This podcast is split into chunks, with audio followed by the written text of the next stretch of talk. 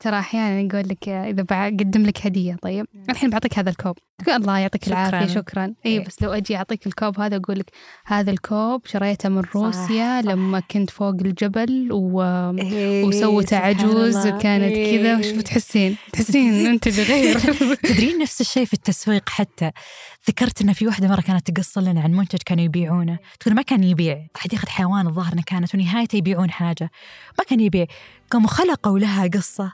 وإن هذه مرة الباندا شالها وسوى كذا يوم صارت تنباع. صار الناس يشترونها الله يا أختي غريب يعني تركيبة الإنسان كيف يتفاعل مع هذه الأشياء. لا القصص لها أثر عميق مرة وقوي مرة مرة.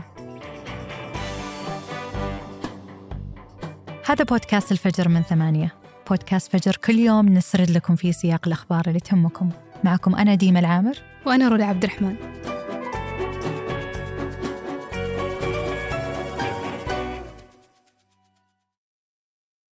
قهوة الصباح وأجود محاصيل البن المختص تلاقيها في خطوة جمل.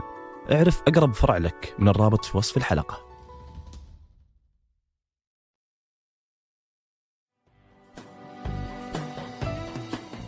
قبل أكثر من 130 سنة وتحديدا في 1886 شهد العالم ميلاد أول سيارة بمفهومها الحديث كانت هالسيارة من صنع المخترع الألماني كارل بنز واللي تحمل سيارات مرسيدس بنز اسمه اليوم. ويعتبر تصنيع مرسيدس هو انطلاقة لصناعة السيارات في العالم. فبفضل هالخطوة شهدت ألمانيا ظهور شركة مرسيدس بنز واللي تعتبر واحدة من أشهر الشركات في العالم في صناعة السيارات الفاخرة. وفي هالأسبوع كشف تقرير أنه تم بيع أكثر من ثلاثة ملايين سيارة فاخرة في العالم. وارتفعت إيرادات أربع شركات للسيارات الفاخرة العالمية خلال الأشهر الستة الأولى من 2023 بنسبة 8% وبلغت إيراداتها 187 مليار دولار وأغلبها من شركات ألمانية مثل بي أم دبليو وأودي ومرسيدس وبورش. وبحسب التقرير حصلت شركة بي إم دبليو الألمانية على نصيب الأسد من إيرادات القطاع بقيمة 68 مليار دولار تقريباً. وسبب تفوق ألمانيا في قطاعات السيارات الفاخرة هو تاريخها الطويل في الصناعة. فاختراع كارل بنز للسيارة قبل أكثر من قرن واستمرارها إلى الآن يعكس قوة الصناعة الألمانية ونجاحها. والسبب الثاني هو وجود عنصر السرعة والأمان. فالسيارات الألمانية تتميز بثباتها وأمنها في الشارع حتى في حال قيادتها بسرعات عالية.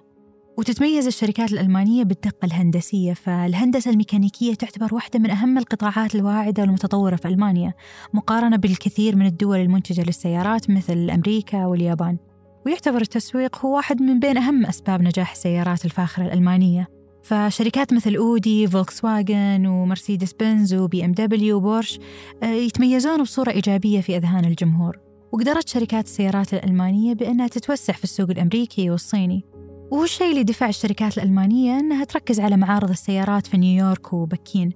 فمثلا سيارة فولكس واجن الألمانية لها حضور في الصين من أكثر من 25 سنة. ويتراوح أسعار السيارات الفاخرة اليوم بين 80 ألف دولار إلى 149 ألف دولار. وبعضها توصل بين 150 ألف إلى 300 ألف دولار أما أغلاها فتتجاوز أسعارها 500 ألف دولار. وعموما الشركات المتخصصة في قطاع السيارات الفاخرة ما هي محصورة على الشركات الألمانية. فحاليا تنافس الشركة الألمانية تسلا في قطاع السيارات الفاخرة وبرضو بعض الشركات الآسيوية مثل سيارات لكزس اليابانية. في أوروبا زي الشركة السويدية فولفو والإيطالية لامبورغيني والفرنسية الفاخرة بوغاتي. وتشير التقارير أن قطاع السيارات الفاخرة ينمو بشكل أكبر في السنوات الأخيرة بسبب تزايد عدد الأفراد من أصحاب الدخل العالي وتزايد عدد المليونيرات والمليارديرات في العديد من الدول بما فيها منطقة آسيا والشرق الأوسط واللي زاد فيها الطلب على هالنوع من السيارات بسبب الإقبال المتزايد عليها وبرضه بسبب التحولات التكنولوجية والاقتصادية في المنطقة. وراح تكون الصين جزء مهم من محرك النمو لسوق السيارات الفاخرة خصوصا في فئة الأسعار اللي تزيد عن 80 ألف دولار. ويتوقع أنها تكون السوق الأسرع نمواً للسيارات الفاخرة خلال سبع سنوات. وبالتالي زيادة حصتها العالمية في هالقطاع من 24% في 2021 إلى تقريبا 35% في نهاية 2031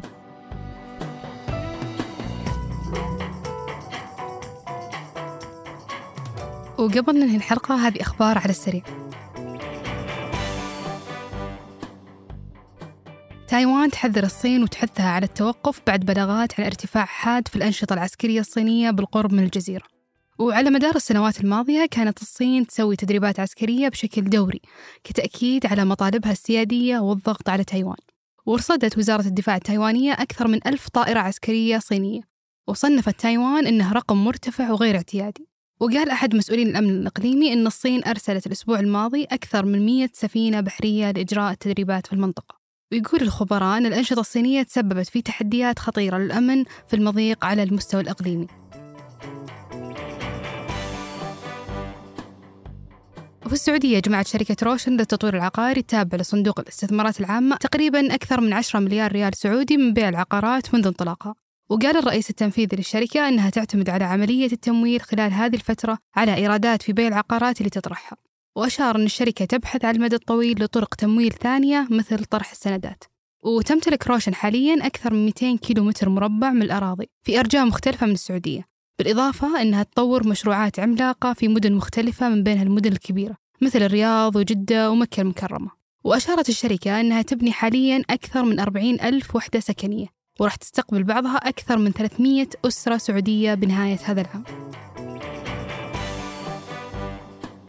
وضمن صفقة بين إيران وأمريكا بدأت أمس الاثنين عملية تبادل سجناء ضمن اتفاق الدولتين وتشمل العملية الإفراج عن خمس سجناء إيرانيين مقابل خمسة أمريكيين. بالإضافة إلى الأموال الإيرانية المجمدة في كوريا الجنوبية واللي تبلغ حوالي 6 مليار دولار بما يقارب أكثر من 22 مليار ريال سعودي. وأكدت قطر كونها الوسيط في الصفقة أن بعد تحويل الأموال الإيرانية إلى الحسابات المصرفية في الدوحة راح يتم تنفيذ عملية تبادل السجناء. وتؤكد الولايات المتحدة أن بمجرد وصول الأموال لقطر بيتم الاحتفاظ بالأموال في حسابات مقيدة وما راح يكون من الممكن أن تستخدم هذه الأموال إلا في السلع الإنسانية اللي هي مثل الأدوية والأغذية.